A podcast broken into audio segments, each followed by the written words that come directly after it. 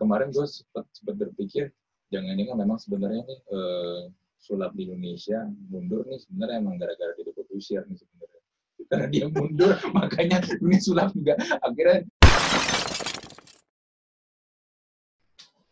Oke Putra atau Uut Avocado. Kenapa sih nama lu Uut ngomong-ngomong? Uut Avocado tuh kenapa lu memilih nama Uut Avocado? Dulu tuh 2018 sih. Gua awal sulap masih pakai Putra namanya. Cewek Putra. Hmm. Uh, sampai akhirnya ya kan biasa cuma amatir ya cuma perform di latihan cuma ya nggak sampai tahap profesional akhirnya gue mau konser mentor gue bilang jangan pakai putra deh nama lu kurang komersil dan rebet diingetnya gitu kan akhirnya gue mikir nama apa yang gue pakai ya udahlah gue inget oh ya gue coba pakai nama kecil gue aja uut gitu kan. Teman kecil gue uut dari nama putra. Ya masih masih oke okay, masih nyambung ya.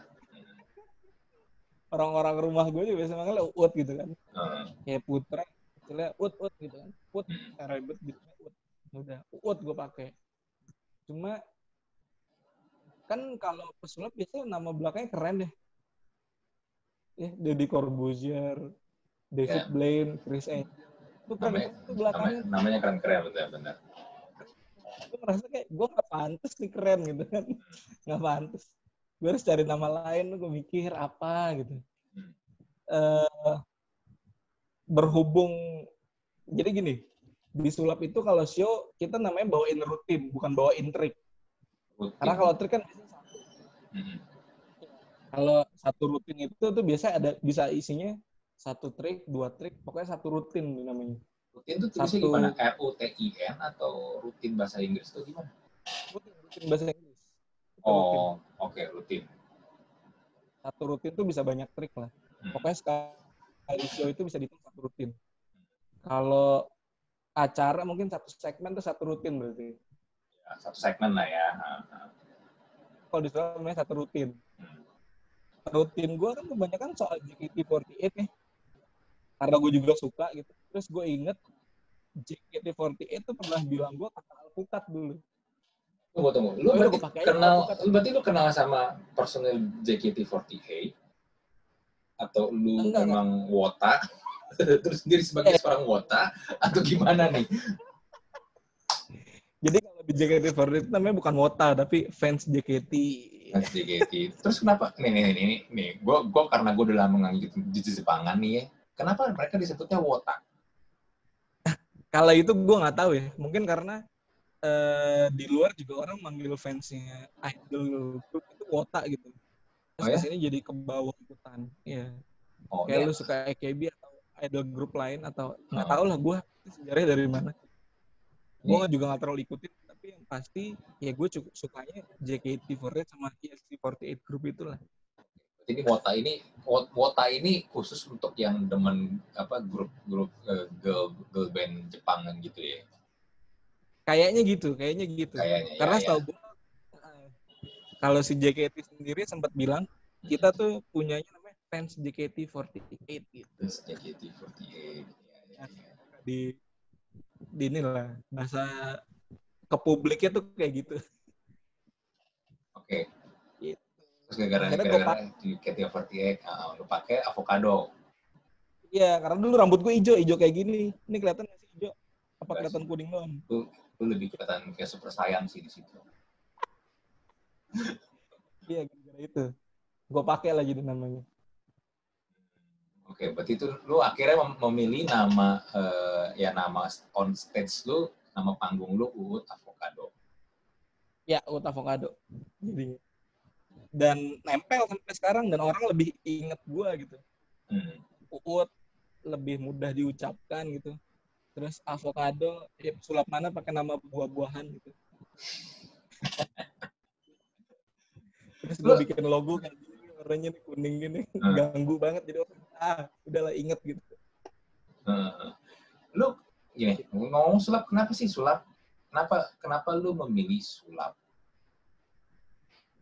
kenapa gue memilih sulap uh, satu basic banget dasar banget sebenarnya adalah hobi ya.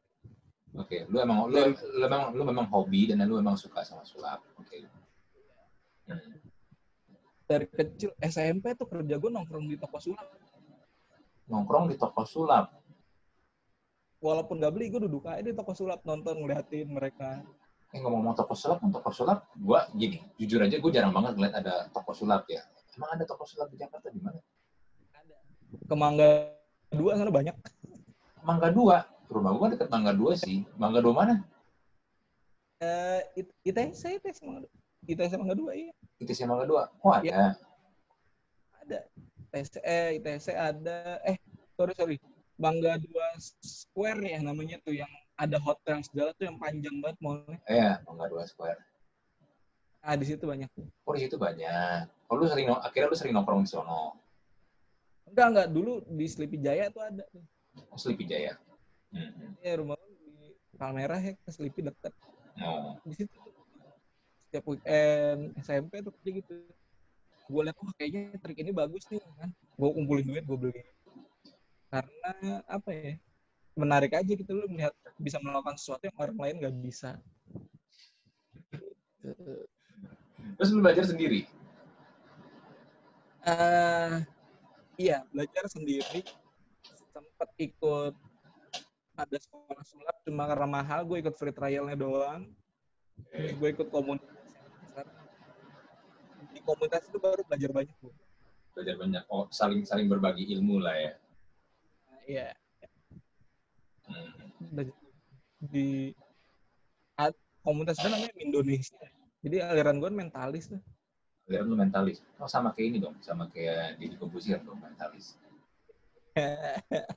dia father of mentalism. Father of mentalism. di sini, di sini. Komunitas gue sempat ngasih itu penghargaan ke dia. Oh, oke. Okay.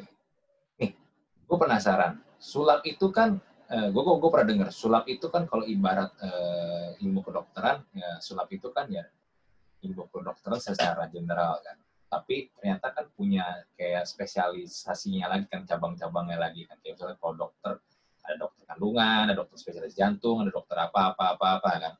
Nah sulap sendiri ya. sebenarnya ya. spesialisasinya ini ada berapa banyak sih? Karena yang yang, yang pernah gue dengar ya uh, itu mentalis satu kan karena kan jadi Corbusier yang mempopulerkan. Terus dulu juga ke uh, David Copperfield. Setahu gue dulu dia itu apa ilusionis ya. ya. Ah, ilusionis. Terus, ya, selebihnya gue gua, gua, gua kurang paham sih. Uh, gue kurang paham ada apa aja dan ya siapa aja gitu. Oke. Okay. Uh, badan gue hilang-hilang nih setengah. Iya. Sorry gue pakai ini soalnya belakang berantakan banget. Jadi gue tutupin pakai background. Juga berantakan. Uh, di sulap itu iya bener ada cabangnya lagi. Jadi kita tuh ada eh mentalism ya kayak gue ini mentalis DC dari Corbusier itu mentalis uh, ada ilusionis ya kayak lu bilang tadi David Copperfield Demian Demian ilusionis masuknya Demian ilusionis oke okay. ada kabaret show atau klasik lah orang bisa bilangnya. Kabaret atau klasik tuh yang yang biasa lu tonton kayak Romedal nah itu masuknya klasik atau kabaret. Ngeluarin burung lah topi segala macem. Oh, gitu. berarti kayak misalnya gini dulu, dulu gini. Gue sebenarnya gue tuh honest gue memang gak terlalu ngerti sulap tapi gue gue penikmat sulap. Karena dari kecil pun gue sering nonton sulap juga kan berarti kayak misalnya dulu pas gue kecil suka ada acara ulang tahun ngundang badut badut sulap gitu kan. Biasanya di iklan suka ditempel tuh di jalan-jalan pinggir jalan tuh. Badut sulap nomornya berapa berapa berapa. Itu berarti hitungannya klasik. Apa tadi bilang? Kabaret. Uh, nah itu balik lagi. Sebenarnya kalau badut lucu juga sih. Dia uh, ada segmennya sendiri termasuk sih di dalamnya. Cuma biasanya kita bedain lagi ke kids magic gitu. Kids magic karena memang diperuntukkan untuk anak-anak. Ya, yang triknya lebih simpel dan biasanya trik-trik cepet ya. Ngeluarin burung, ngeluarin apa instan yang yang kayak gitulah. Itu kids magic maksudnya. Hmm. Berarti Pak Tarno itu hitungannya Pak Tarno itu termasuk kids magic harusnya. Hitungannya Dia kids magic. Iya, karena kan dia banyak main di sulap ulang tahun nih. Iya. Uh. Kan kalau dia gelarnya Master of Traditional Magic Hmm, hmm, hmm. dikasih nama itu kan karena eh ya si Deceng merasa orang-orang tuh kecilnya ngeliat orang-orang kayak gini nih kenal sulap pertama kali dari orang-orang kayak Pak Tarno di Eh, iya, jalan. iya, iya, itu itu gue setuju ya, karena ya sama gue itu pengalaman gue juga, gue pertama kali lihat sulap ya, ya sulap-sulap yang modelnya kayak Pak Tarno gitu. ya ya gitu. Terus ada lagi kita aliran namanya close up. Close up tuh itu yang jarak deket ya. Kartu koin. Heeh, itu masuknya close up. Mainnya pakai di meja gitu. Lu bisa lihat langsung efeknya. Hmm. koin secara instan hilang tuh masuknya close up. Nah, kalau misalnya gue pernah lihat tuh eh, dari Lucky, dia dia pesulap, dia magician luar sih, pesulap luar. Dia dia jalan di jalan-jalan gitu, dia dia ketemu satu orang, dia kayak tadi misalnya keluarin kartu, eh ini kartu gini-gini lu pilih, itu itu apa itu hitungan? Itu close up juga. itu ah ini lucu juga nih. Eh secara dasar kayaknya sih dia termasuk close up ya kan? Cuma kalau dari segi penampilan harusnya itu masuknya ke oh ya ini panjang ceritanya. Orang-orang kenalnya street magic kalau kayak gitu namanya Ya street magic ya bener street magic, gue gue gue gue gue pernah dengar street magic. Nah, street magic itu sejarahnya sebelumnya adalah dari hopping table. Lu tahu kalau lu makan di restoran eh di hotel yang pakai meja gitu? Kadang-kadang suka ada yang nyamperin lu tuh buat menghibur lu. Entah Ya. itu magic atau nah, nyanyi. Nah, ya, nyanyi atau main musik. Dari situ, dari hopping table itu sulapnya. Hmm, Terus karena ada si kalau nggak salah ini kalau nggak salah yang mulai tren main sulap di jalanan kan si David Blaine nih dia punya acara street magic juga makanya orang-orang mulai ngikutin kayak gitu dan menamakannya itu aliran baru street magic sebenarnya menurut gua sama aja mau di mana pun tetap sulap gitu. Iya. Itu tinggal pintar-pintar mereka nge-branding aja sih ya. Iya tergantung yang namanya. Branding. Terus ada lagi sulap itu oh bizar bizar ilusionis kayak limbat Chris Limbat- Angel. Limbat limbat tuh hitungannya bisa bisa tuh berarti yang sulapnya yang kayak gue tahu ya emang kalau gue ngeliat limbat itu kan kayak apa sih? Kayak kebal segala macem. Iya, ya serem-serem ya. Ditusuk lah, lu kebal something lah, lu bisa digantung kayak gitu gitu lah. Ah. Lu bisa nembus jarum di mulut lu Ah, segala ah. Ngeluarin something ya pokoknya yang serem tuh bizar. Terus ada lagi, ah Rihanna, Rihanna. Gua, ya gua Riana Ah. Riana yang kemarin menang menang itu kan menang kompetisi apa Apa? ya, Asian Got Talent iya dia Asian menang. Got di, Asian Got Talent Ah. di Amerika juga dia menang. Hmm. American Got Talent menang juga nih. American Got Talent. Eh, Rihanna, Rihanna tuh apa ya? Gue gue lupa namanya asli, gue lupa. Tapi dia lebih kayak kayak ada mistiknya, ada seremnya, ada ilusinya juga. Ada namanya cuma gue lupa asli, lupa bego banget gue. lupa gue. Tapi ada genrenya sendiri Rihanna itu. Hmm. Eh gua ya, gua gue sebagai penikmat sulap ya kayak tadi gue gue sempet cerita awalnya kan memang pas masih kecil lihat sulap-sulap yang kayak tadi lu bilang apa eh, Magic Kids gitu kan. Lalu eh, mulailah bergeser ketika gue ngelihat sesuatu yang baru waktu itu ketika RCTI itu gue banget RCTI nayangin The Magic of David Copperfield. Ya. Iya kan. Eh, waktu itu buat gua dan mungkin juga banyak orang yang nonton ya itu sesuatu yang luar biasa banget. Karena kan dia magicnya yang bener-bener eh, apa nembus tembok Cina terus apa nantangin segitiga Bermuda eh Ya. ya kan banyak banyak banyak banyak, banyak macam lah. Terus waktu itu gue juga sempat eh, ingat tuh yang salah satu yang juga yang gue nggak tahu ya cuma kayaknya nggak gitu orang nggak gitu terkenal sih menurut orang-orang. Tapi gue gue suka aja waktu itu pas lagi dia dikurung di satu gedung gedung tua gitu dia dikurung di lemari besi terus gedungnya diledakin eh tau dia nongol di ini apa di Ah. barisan penonton Iya iya iya. Iya iya gue gue tahu tuh rutin. Ah yang lu sebut itu namanya rutin tuh bro. rutin yang tadi itu Iya nembus tembok Cina tuh satu rutin tuh. Oh, Rutin yang nembus tembok Cina. Rutin dia menghilangkan eh, patung Liberty itu satu rutin. Hmm. diledakin gedungnya terus gitu panjang itu satu rutin.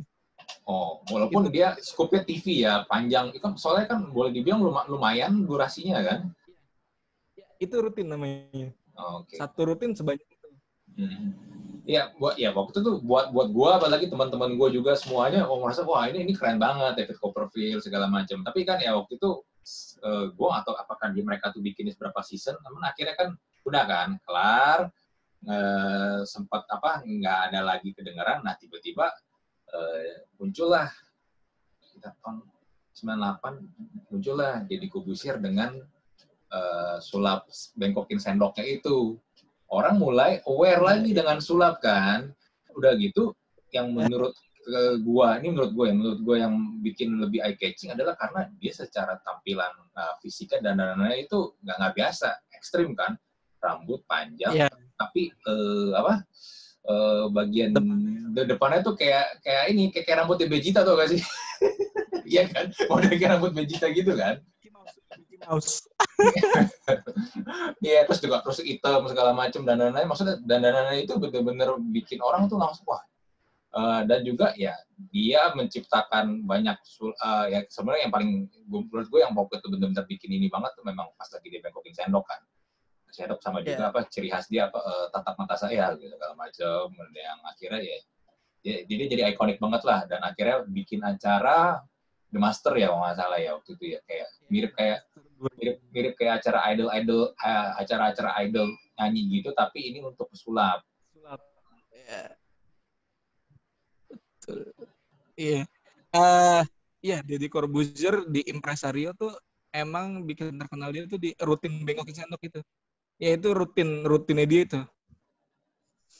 Jadi kalau trik gini, trik bengkokin sendok kan ya semua orang bisa lah. Semua orang punya caranya masing-masing. Cuma saat lu show, Hmm, nah kalau pesulap tuh punya rutin original. hmm, Lu boleh pakai trik sampai tapi rutinnya rutin lu gitu. hmm. gitu. Nah itu yang bikin dia terkenal ini rutin bengkokin sendoknya itu. Karena cara bengkokin sendok dia kan pada masanya wah gila sakti banget. Cuma diliatin terus bengkok. Terus Mhm. yang ada satu rutin lagi yang gue inget banget waktu kecil adalah kita semua di rumah suruh pegangin benda logam, kunci ataupun sendok atau apa suruh pegang di rumah, ikutin dia di televisi, Hmm. bengkok. Dia di televisi jelas bengkok lah karena itu emang eh, kerjaannya dia lah ya Iya. magicnya dia bisa ngebengkokin sendok. Hmm. Tapi yang menarik adalah di episode minggu depannya itu orang banyak banget kiriman foto. Wah ini di rumah sendoknya pada bengkok, kuncinya bengkok segala macam banyak telepon. Wah gila gue terkesima banget. Ada ya orang sesakti ini. Keren banget. Wah itu rutin yang kayaknya semua orang inget pada masanya tuh. karena menurut gue dia membuat sesuatu apa ya eh, signature yang ya mungkin itu sa- satu tipping point doang yang akhirnya bikin orang tuh jadi kenal sama dia gitu loh jadi langsung ingetnya cepet karena dia mungkin Betul. membuat sesuatu yang berbeda ya apalagi ya plus juga dengan dandanan dia yang seperti itu orang akhirnya menjadi gampang inget itu sama dia Betul. Betul, betul. Eh kalau gue pernah denger dia ngomong di lecture dia tuh, dia pernah bilang, lu harus melakukan sesuatu yang touching ke penonton. Penonton lu bisa relate, Hmm. Dekat dengan penonton lu. Kayak dia bilang, dia, ini seingat gue, ini di lecture dia pernah bilang gini, pertama kali dia mau tampil di TV, Hmm. ditanya nih sama senior-senior katanya, lu Hmm. mau main apa? Bengkokin sendok. Oh diketawain bro. Hmm. Oh main di TV bengkokin sendok doang katanya. Wah, banyak ketawain. Ya biasalah kayak gitu kan orang. Hmm. Tapi dia dengan PD, dengan rutin bengkokin sendok, dia bilang, ya kenapa emang? Dan ternyata works kan, berhasil banget kan. Semua orang inget dia sejak saat itu kan. Hmm.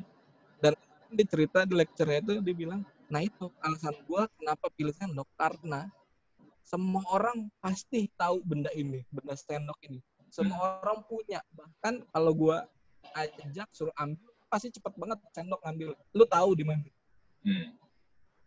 Jadi saat gua bisa melakukan keajaiban dengan sesuatu yang sangat dekat dengan penonton gua, Hmm. Magicnya, uh luar biasa dia. Itu yang bikin eh, dia cepat diingat pada masanya. Ya, dia Jadi dia dia, nyaranin kan ke pesulap-sulap, ya lu kalau mau bikin rutin, cari apa yang kira-kira menyentuh sama audiens lu gitu. Ya, itu memang pada prinsipnya memang ya karena gue juga pernah, belajar public speaking, memang uh, lu harus bisa uh, menyentuh hati audiens lu dengan ya apa yang audiens lu apa yang audiens lu ngerti ya kan? Apa yang audiens lu memang ras, juga rasain. Karena percuma kalau lu ngomong bahasanya tinggi terlalu tinggi sedangkan audiens lu bahasanya cuma sampai di sini yang nggak nggak ketemu nggak nggak connect gitu loh ya. How about to, to connect with, with the, with the people ya. Itu itu itu benar sih. Nah, cuman gini put uh, setelah the master itu kan banyak menghasilkan yang gue lihat kan ya kayak limbat dan yang lain-lain itu kan hasil dari the, the, the master kan. Uh, cuman gue ngelihat gimana ya setelah itu uh, apalagi setelah dia memutuskan cabut dari industri atau dari dunia sulap profesional di Indonesia, gue ngeliat tuh sulap ya walaupun masih ada yang aktif ya kayak Demian segala macem masih di TV segala macem tapi pelan-pelan tapi pasti itu sulap tuh lama-lama uh, redup sih. Hmm. Ya, walaupun walaupun terakhir kali walaupun terakhir kali uh, sempat ada yang di apa di Global TV itu acara kemarin namanya the uh, the Great Magician. Ya ya ya uh, the Great Magician. Uh, nah yeah. cuman kan apa ya hype-nya itu ketika dibangun tuh nggak bisa sampai sekuat pas lagi zamannya dia gitu loh. Ya. Oke oke oke. Oke, gini mungkin buat ceritain nih. Uh, kenapa pas era Deddy Corbuzier tinggi banget ya? Dan termasuk The Master salah satu yang tinggi banget. Semua orang jadi hype. Karena waktu itu sulap jadi tren. Ya, mirip mungkin mungkin mirip, sekarang mungkin mirip kayak stand up comedy kali ya. Kayak, kayak sekarang sekarang ini kayak stand up comedy ya. Sebenarnya itu doang sih. Itu kenapa dulu kelihatannya tinggi banget dan hype banget karena dulu menjadi tren. Sekarang ya kayak kita tahu lah, semua tren kan pasti ganti-gantian. Hmm. bisa A bisa B. Abis The Master kan tren abis itu lagi nyanyi nyanyi sempat jadi tren. Tren up komedi sekarang jadi tren. Hmm. ya kalau di marketing semua pasti akan gantian lah. Jadi trennya. Ya kalau betul pasti gantian. Ada ada ada ada masanya. Hmm. oke. Okay. The Great Magician kenapa nggak naik menurut gue wajar karena dia satu kebanting sama Indonesian Idol. Ya kan? Idol lagi rame-rame. Jamnya barengan gak sih waktu itu sama hari? Barengan, Itu waktunya bahkan final kita tuh ada di minggu yang sama. Oke. Okay. Oh, gue di The Great Magician bantuin. Uh, eh, gue masuk di timnya Obi, ada Obi Magic. Hmm. Nah, gue tuh bantuin dari banyak hal lah dari awal sampai sekarang. Sampai ke final kan gue bantuin. Gue juga ngerasain tuh kenapa nggak nggak hype acara ini. Padahal kita totalitas banget semua ngelakuinnya. Pesulapnya juga nggak kalah keren dengan era The Master gitu. Uh, usut punya usut, kita coba brainstorming dengan teman-teman pesulap. Oh kita ngerti, oh mungkin karena emang ini lagi nggak tren gitu. Hmm. Trennya lagi ini kita kebanting abis makanya nggak hype gitu. Kalau dibilang mungkin itu jadi penyebabnya sulap terlihat tidak ramai. Oke, Padahal terlihat, di luar terlihat tidak ramai, oke. Okay. Terlihat tidak ramai karena sedang tidak sedang apa ya? Tidak pada trennya lah gitu. Makanya terlihat tidak ramai. Hmm. Gitu. Padahal kalau mau dilihat seberapa maju sulapnya ya, Indonesian sulap tuh udah keren banget. Kita punya uh, kita punya Riana salah satu contohnya. Hmm di Amerika. Ya lu tau lah kalau udah juara di Amerika juara di seluruh dunia. Seluruh dunia kenal. Hmm. kan Riana kuat banget bawa unsur Indonesia. Ada satu mantranya dia tuh emang pakai bahasa Jawa. Keren banget. Terus ada Jawa. lagi Demian. Ya Demian juga udah di Amerika kan semua orang di seluruh dunia udah kenal udah kenal sama dia. Hmm. itu kalau dari sisi performer. Ada lagi kita namanya inventor magic orang yang menciptakan trik, menciptakan alat sulap, menciptakan ya trik dan alat sulap lah, terutama menciptakan buku itu kita namanya inventor kan. Ada beberapa inventor dari Indonesia yang namanya sudah terkenal di luar negeri. Uh, di luar negeri itu kita kalau di seluruh dunia ya terkenal banget beli beli keperluan sulap namanya di Murphys, Murphys Magic. Orang Indonesia ada yang udah jualan di situ dan hmm. itu laku keras seluruh dunia. Ada orangnya namanya namanya Agus Ciu, seingat gua kalau nggak salah. Indonesia banyak lah. Kita juga udah punya. Uh, ada namanya temen gua Destino. Dia sempat jadi orang pertama yang menipu Deddy Corbuzier di acara Magic Comic acara yang sama kayak gue ikutin itu hmm. dia itu di luar sulap adalah uh, desainer dari pesulap-pesulap terkenal di luar negeri. Oke. Okay. Desain mainan, desain kartu sulap, mungkin uh, everything yang bisa dia desain, dia desain barang pesulap luar negeri. Hmm. Udah segitu maju sulap Indonesia sebenarnya. Tapi ya itu sayangnya itu karena sedang tidak pada trennya, jadi terlihat sepi. Iya, terlihat sepi. Tapi tapi gini hmm. sih, Bu. Uh, tapi gini sih, Bu. Uh, ini ini yang ini yang gue lihat ya. Sekali lagi dengan kacamata yeah. gue sebagai seorang awam ya. Uh, kayak tadi lu bilang di luar tuh banyak segala macam yang jual apa desain. Berarti ini ini ini yang gue lihat yang gue tangkap. Berarti di luar penghargaan terhadap magician-magician Indonesia itu jauh lebih uh, gede.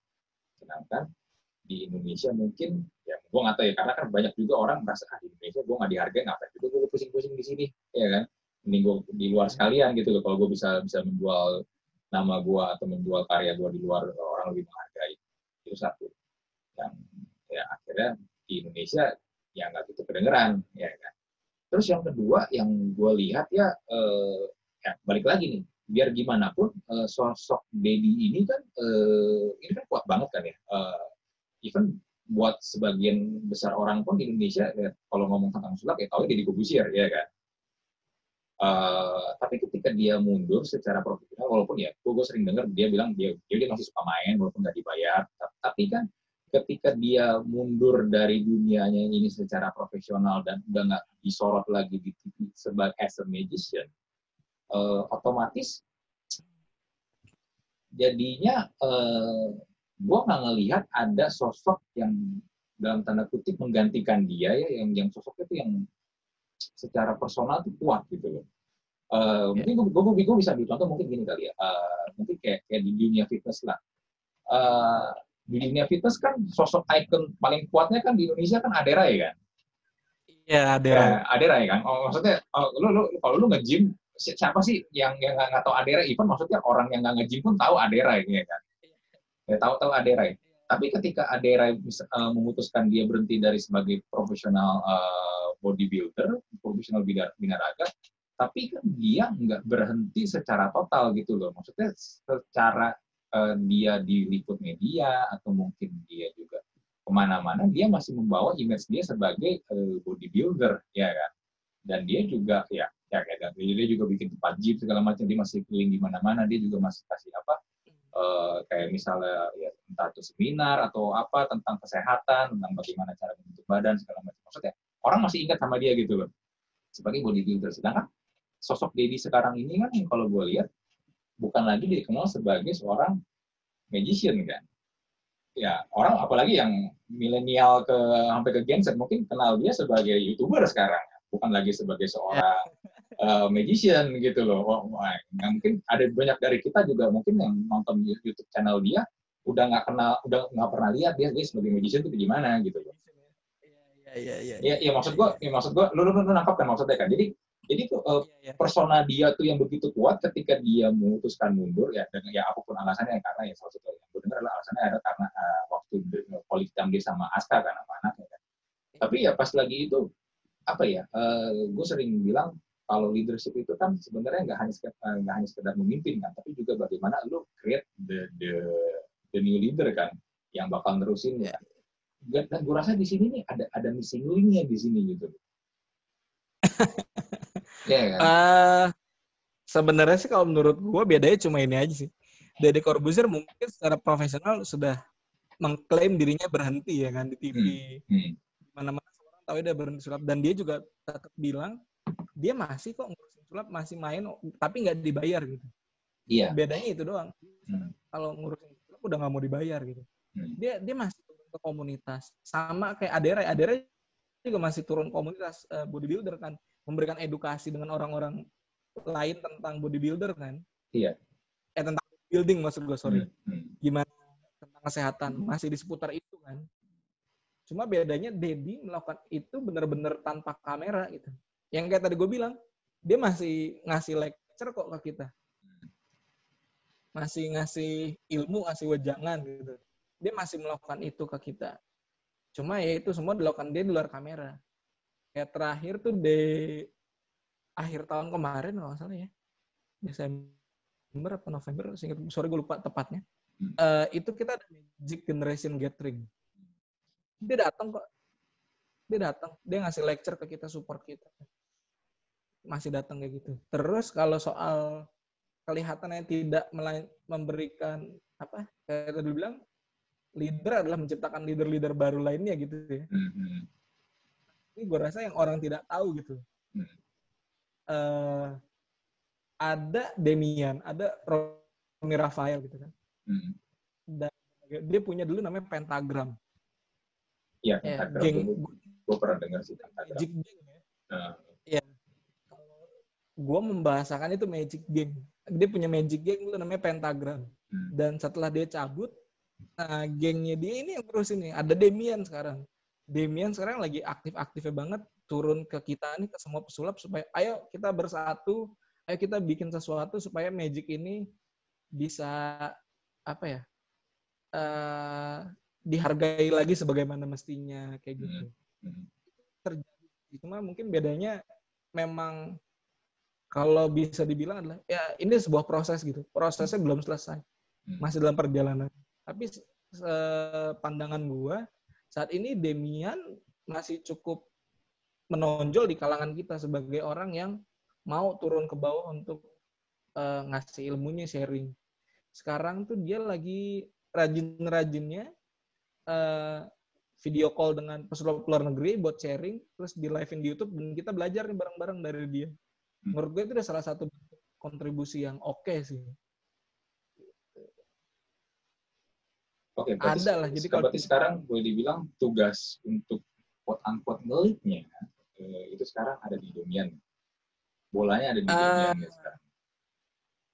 Iya, ya mungkin bisa dibilang kayak gitu. Cuma uh, lagi-lagi nggak tahu ya. Kita sih tidak merasa ini sebuah tugas atau apa cuma sosoknya mungkin yang lagi disorot memang Demian karena Demian saat ini lagi aktif-aktifnya hmm. ngebantu kita ini pesulap-pesulap lain untuk belajar lebih gitu hmm. karena kan sorry ya nih setahu gue nih ya setahu gue tuh pesulap tuh ngeluhinnya kita nggak punya source nih buat belajar kita bingung kita harus ke siapa gitu hmm. karena ya menurut gue itu karena mereka aja yang nggak nggak tahu arahnya ke mana dan gue rasa Demian ini terus dia bikin tuh uh, sharing dengan si pesulap luar negeri di live di YouTube dia orang boleh nanya Demian bacain pertanyaannya ya kayak kita beneran belajar lah dia yang bawain pengajarnya lah kasarnya kasarnya hmm. seperti itu hmm. Ya. masih masih berlanjut makanya kemarin gue sempat sempat berpikir jangan ini kan memang sebenarnya nih uh, sulap di Indonesia mundur nih. Sebenarnya emang gara-gara dia diusir nih sebenarnya. Karena dia mundur makanya dunia sulap juga. Akhirnya ya gimana sih? Ya ibaratnya kayak misalnya lu di apa lu lagi sedang ini lagi sedang jalan lagi sedang ya berlayar terus tiba-tiba kapten kapal lu turun bong hilang. Nakodalu nakodalu nakodalu nakodalu pergi. Udah lu ini ya apa uh, urus sendiri ya. Gua gua gua gua pensiun. Urus, urus sendiri kapalnya gitu loh Iya kelihatannya memang kayak gitu ya. Iya karena kan ya, gue, gue kan nggak tahu kan apa apa yang apa yang ada di di balik itu kan. Tapi itu gini sih, uh, ya satu mungkin karena yang tadi lu bilang uh, Dedi nggak nggak udah nggak ini lagi secara profesional, jadi dia pun juga nggak terlalu kena sorot kamera. Uh, tapi kalau dari sisi gue sebagai seorang awam ya karena nggak tahu, jadi kesannya memang jadi nggak kelihatan. Uh, memang, yeah. memang memang memang ini sih ya walaupun kemarin dia sempat sempat ini ya balik yang bikin satu acara di RCTI yang satu show doang itu uh, Magic uh, uh, bukan yang Magic itu balik ya. Eh, yang ini yang, yang dia, yang dia di sama yang magician dari luar, yang dia bengkokin apa uh, Du, Apa? ya, Ya ya Rambul. ada ya. Itu udah, Ya, udah dua tahun lalu apa ya masalah? ya gua ya. gua gua gua gua gua juga gua juga, gua juga nonton itu kan. Ya, memang sebenarnya butuh ini sih, but ya kayak lagi Demian juga butuh support di satu sisi tapi memang juga benar-benar sosok yang kuat banget buat ini dan dan orang-orang kenal gitu loh. Eh, ya karena ya, balik lagi kayak tadi yang sempat gue bilang karena sekarang eh, yang kita tahu DC itu lebih dikenal sebagai youtuber ya kan hitam putih ya kan atau juga mungkin lebih lebih sekarang lebih lebih ke sebagai sosok apa icon fitness ya kan icon, Kalau boleh icon gym tip nih ya, dari lecture dia, kenapa sekarang dia dikenal orang lebih banyak gitu? Hmm. Eh, karakter lebih banyak nggak cuma pesulap, dia ter- dikenal juga sekarang sebagai host, Hmm, sebagai youtuber, sebagai influence kesehatan, hmm, hmm. karena dia memposisikan dirinya sebagai entertainer, Iya, di entertainer mana yang- artinya adalah gua harus bisa menghibur dengan cara apa pun. dengan cara apa pun. benar. dia sekarang kalau gue lihat ya, ini menurut pandangan gue, dia benar-benar ngebuka nih entertainer tuh gini, gitu. Oke, gue berhenti sulap nih, tapi lu lihat nih, kalau gue menempatkan diri gue sebagai entertainer, Hmm. orang tetap akan kenal gue gitu. Hmm. Menurut gue itu jadi salah satu contoh sih. Tergantung lu mau menempatkan diri lu sebagai apa gitu. Hmm. Oh iya, Itu- gue gue gue baru inget. Eh, dulu kan adik gue kan sekolah SMP di Santa Maria di itu, daerah mana Pecenongan situ kan.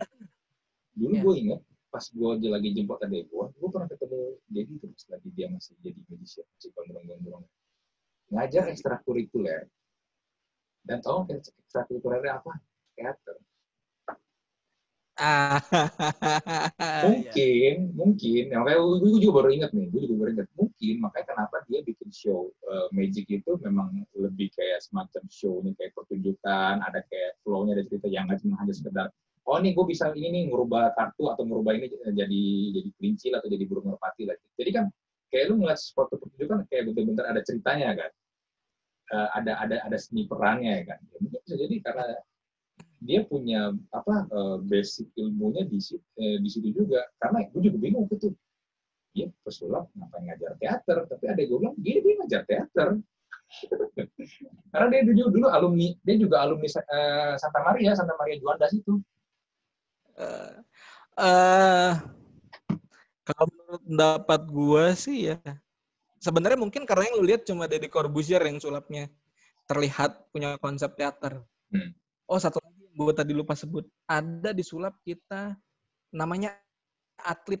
Jadi gini, apa gue belum bahas ya? Sebentar, kayaknya gue belum dan gue bahas aja deh. Jadi di sulap tuh kita ada pembagiannya ada yang kayak tadi bilang ada performer, Hmm. ya performer Corbuzier segala macam, Demian performer, ada lagi inventor yang tadi gue sebutin ada namanya Agus Ciu itu inventor, ada lagi eh, konsultan orang-orang di balik layar pesulap. Jadi pesulap tuh nggak pernah kerja sendirian. iya gue yang gue tahu ada memang memang as a, as a team lah ya Iya, ada konsultan magic, Hmm. ada lagi eh, satu itu namanya atlet, atlet atletnya apa sulap. atletnya? Jadi dia memang sulap untuk turnamen, ada turnamen sulap dunia. oke jadi Nah, memang dia di- emang untuk kompetisi Ini iya, si atlet ini memang jarang keluar dan jarang orang tahu gitu. Hmm. Bahkan kalau lu ketemu di jalan, lu nggak tahu dia tuh sebenarnya atlet sulap yang udah juara seluruh dunia gitu. Hmm. Nah, si kalau yang atlet-atlet ini ada juga tuh yang konsepnya kayak teater, kayak apa. Kebanyakan masih yang kayak gitu. Dan eh, si atlet ini, lu bayangin dia buat belajar satu rutin ya. Kayak misalnya cuma munculin burung doang, atau munculin kupu-kupu doang, itu belajarnya bisa tahunan. Cuma buat satu rutin kayak gitu. Hmm. Jadi karena dia atlet, dia menyempurnakan rutinnya lama banget kayak dia nyiapin ceritanya, nyiapin gesturnya, gerakannya mesti gimana. Pokok pokoknya tuh magical itu wah visual banget dah kita ngerasain kayak bentar. Lu di YouTube pernah lihat nggak ada pesulap Hmm. Yang ngeluarin eh, bola air dari air terjun? Ah, Yang ngeluarin kayak bola kaca. Lihat. Seakan-akan tuh air. Ah. Nah itu lu coba cari. Nah itu itu itu atlet tuh hitungannya tuh. Hmm. Dia latihan itu bisa bertahun-tahun. Nah kenapa lu bilang kayaknya Deddy Corbuzier eh teater banget karena yang lu lihat cuma Deddy Corbuzier kayak padahal di luar sana orang Indonesia juga ada yang kayak gitu. Ya lagi-lagi menurut gue ini masalah sorotan kamera aja sih karena kebetulan kamera lebih banyak nyorot dia jadi orang taunya dia doang gitu. Memang begitu kan orang lu tanya lu tanya orang di luar pun juga eh, mereka mungkin akan menjawab dengan jawaban yang kurang lebih sama kayak gua Dan gue lupa ini siapa yang bilang Hmm. Magic itu oh, oh gue denger ini dari mentor gue. Cuma gue lupa dia dia bilang ini sendiri atau dia emang kenal dari orang lain omong omongan ini. Magic itu memang eh, rumahnya di teater. rumahnya di teater oke Eh, kita punya cerita, kita punya panggung segala macam semua itu harus makanya magic sama teater tuh kenapa dekat banget termasuk DC ya kenapa dia ngajar teater mungkin karena dia merasa harus eh, punya hubungan dengan teater ya gimana bilangnya tapi lu ngerti sih ya gua, gua ngerti gua ngerti mungkin jadi- jadinya ke supaya lu menyajikannya menarik ada ceritanya kayak tadi lu sempat bilang kan Ya, biar gua bisa Iya. touch emosi dari orang-orang yang audiens gua ya. karena Iya. kalau nggak ada Iya. nggak ada story lainnya nggak ada ceritanya ya ya udah lu Iya. mungkin lu hanya sekedar petunjuk lu hanya menunjukkan oh gue bisa gue bisa merubah sapu tangan jadi burung burung merpati ya ya Ya, kita bilang ya munculin burung merpati itu trik Hmm. tapi saat lo mempertunjukkan cara lo memunculkan burung merpati Hmm. whatever it's need lah ya Hmm. ada mesti pakai gerakan gimana lo mesti pakai cerita gimana Hmm. lampunya kayak gimana atau gimana pun yang lo bentuk itu namanya lo membentuk sebuah rutin Hmm. jadi saat lo satu sajikan ke penonton itu namanya satu rutin kalau di teater namanya satu act satu act ya satu act satu babak ya. Hmm. satu babak itulah. Gitu. Oke put. Jadi kelanjutannya sekarang eh, ya tadi lu sempat cerita dengan segala Demian juga sedang lagi turun banyak dan lu juga di komunitas sulap dan teman-teman lu juga sedang pengen juga supaya membangkitkan memperkenalkan sulap lagi eh, ke Indonesia. Ya sekarang de- dengan kondisi COVID-19 ini yang kita susah keluar gue, gue yakin mau show pun juga jadi susah kan karena kan dengan show itu kan ngumpulin orang kan Iya kan? Karena iya. karena karena karena lo mau bikin mau bikin pertunjukan stage segala macam itu kan lo kan ngumpulin orang kan. Ya walaupun gue gue tahu juga bisa online tapi feel-nya pasti beda lah. Eh rencana ke depannya gimana? karena gue yakin nggak cuma nggak cuma doang ya, karena semua industri, semua bisnis di di dunia dunia eh, ngerasain impact-nya sih.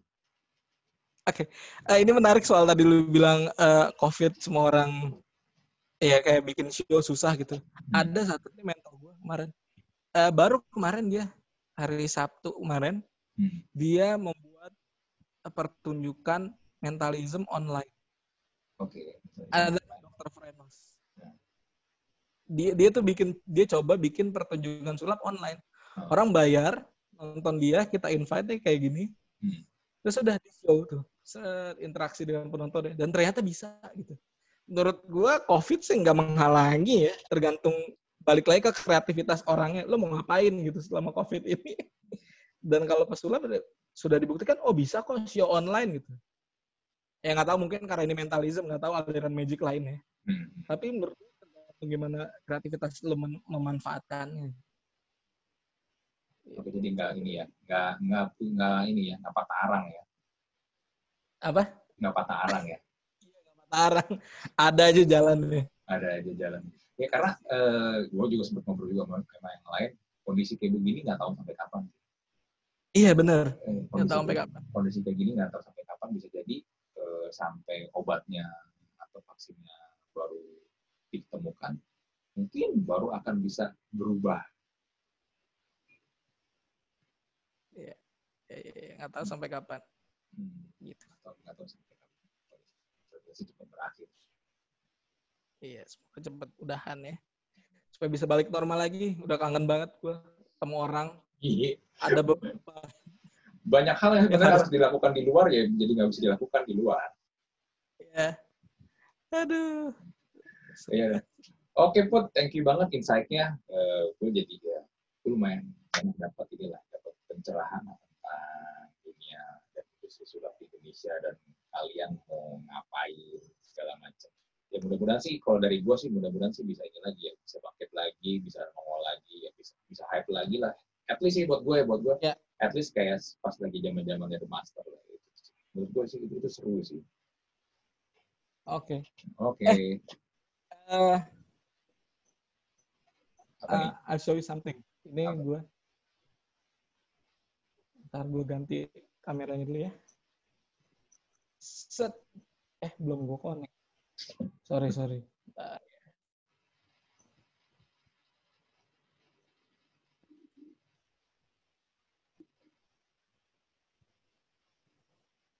Oke, sudah adakah gue? belum itu masih logo lu tuh Masih avocado doang ya? masih logo lu avocado Oh, ini masih muka gua. Set. Apakah ada? Oh, sorry. Mungkin gini. Ah, sih. Terlihat sesuatu di situ? Iya, ada tuh? kartu ya Iya. Jadi gini, kayak tadi gue bilang, hmm. eh, rutin gua tuh akan berhubungan dengan semua soal JKT48. oke Oke. Gua ke- kartunya gambar-gambar foto JKT48 semua gue suka banget dengan JKT48. Bahkan Hmm. gue hafal hampir seluruh nama membernya. tapi kan ganti-ganti mulu put Betul. Saking cintanya gue hampir hafal semuanya. jadi biarpun ada yang diganti ada yang keluar ada yang masuk tuh tetap tahu namanya Iya, iya, iya. Gue masih ngikutin sampai kayak gitu. hmm. Kayak ini kita lihat. Ini ada namanya Gaby. Oke KB Gabriel Margaret Waro. sudah nama panjang lengkapnya dia tahu eh, apa? Kapten dari tim J. Jadi JKT ada tim J, tim K, sama tim T. JKT tuh ya. tim ya J, tim K, T. Ini kaptennya tim J, namanya Gaby. Terus kita punya lagi, ini namanya Gracia. Sania Gracia. Oke. Terus kita punya Cindy. Eh, sorry. Cindy. Cindy ini nama panjangnya Cindy Hapsari Pujiantoro Putri kalau nggak salah. sampai apa Nah, gitu sukanya gue JKT, gue bahkan hafal nama panjangnya. Ini Cindy. Dan ini kita punya Julie. oke Judi Dia namanya adalah Sania Julia Montolalu, Monto lalu J. Oke. Lo kalau gue sodorin, anggap lo baru akan ngefans dengan JKT ya. hmm. Ya, lo baru akan ngefans dengan JKT. Hmm. Eh gue akan berikan ini. Gue ada hati hijau di sini. Hmm. Ya, karena avocado hatinya harus hijau. Hmm. Lo akan pilih siapa? gua akan pilih pilih Gaby Gaby ya. Ah, Final atau enggak? final final Gaby Gaby Yakin ya? ya yakin Gaby Percaya nggak kalau ternyata eh gue sudah tahu lo akan pilih Gaby. Kenapa begini? Eh, remember this Ah, kertas yang dari tadi gue kuel-kuel dan gue lempar? ah.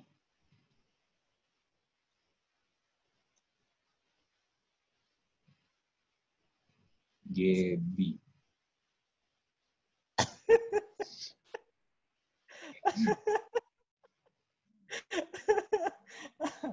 gue sudah memperkirakan kalau lu akan pilih Gaby?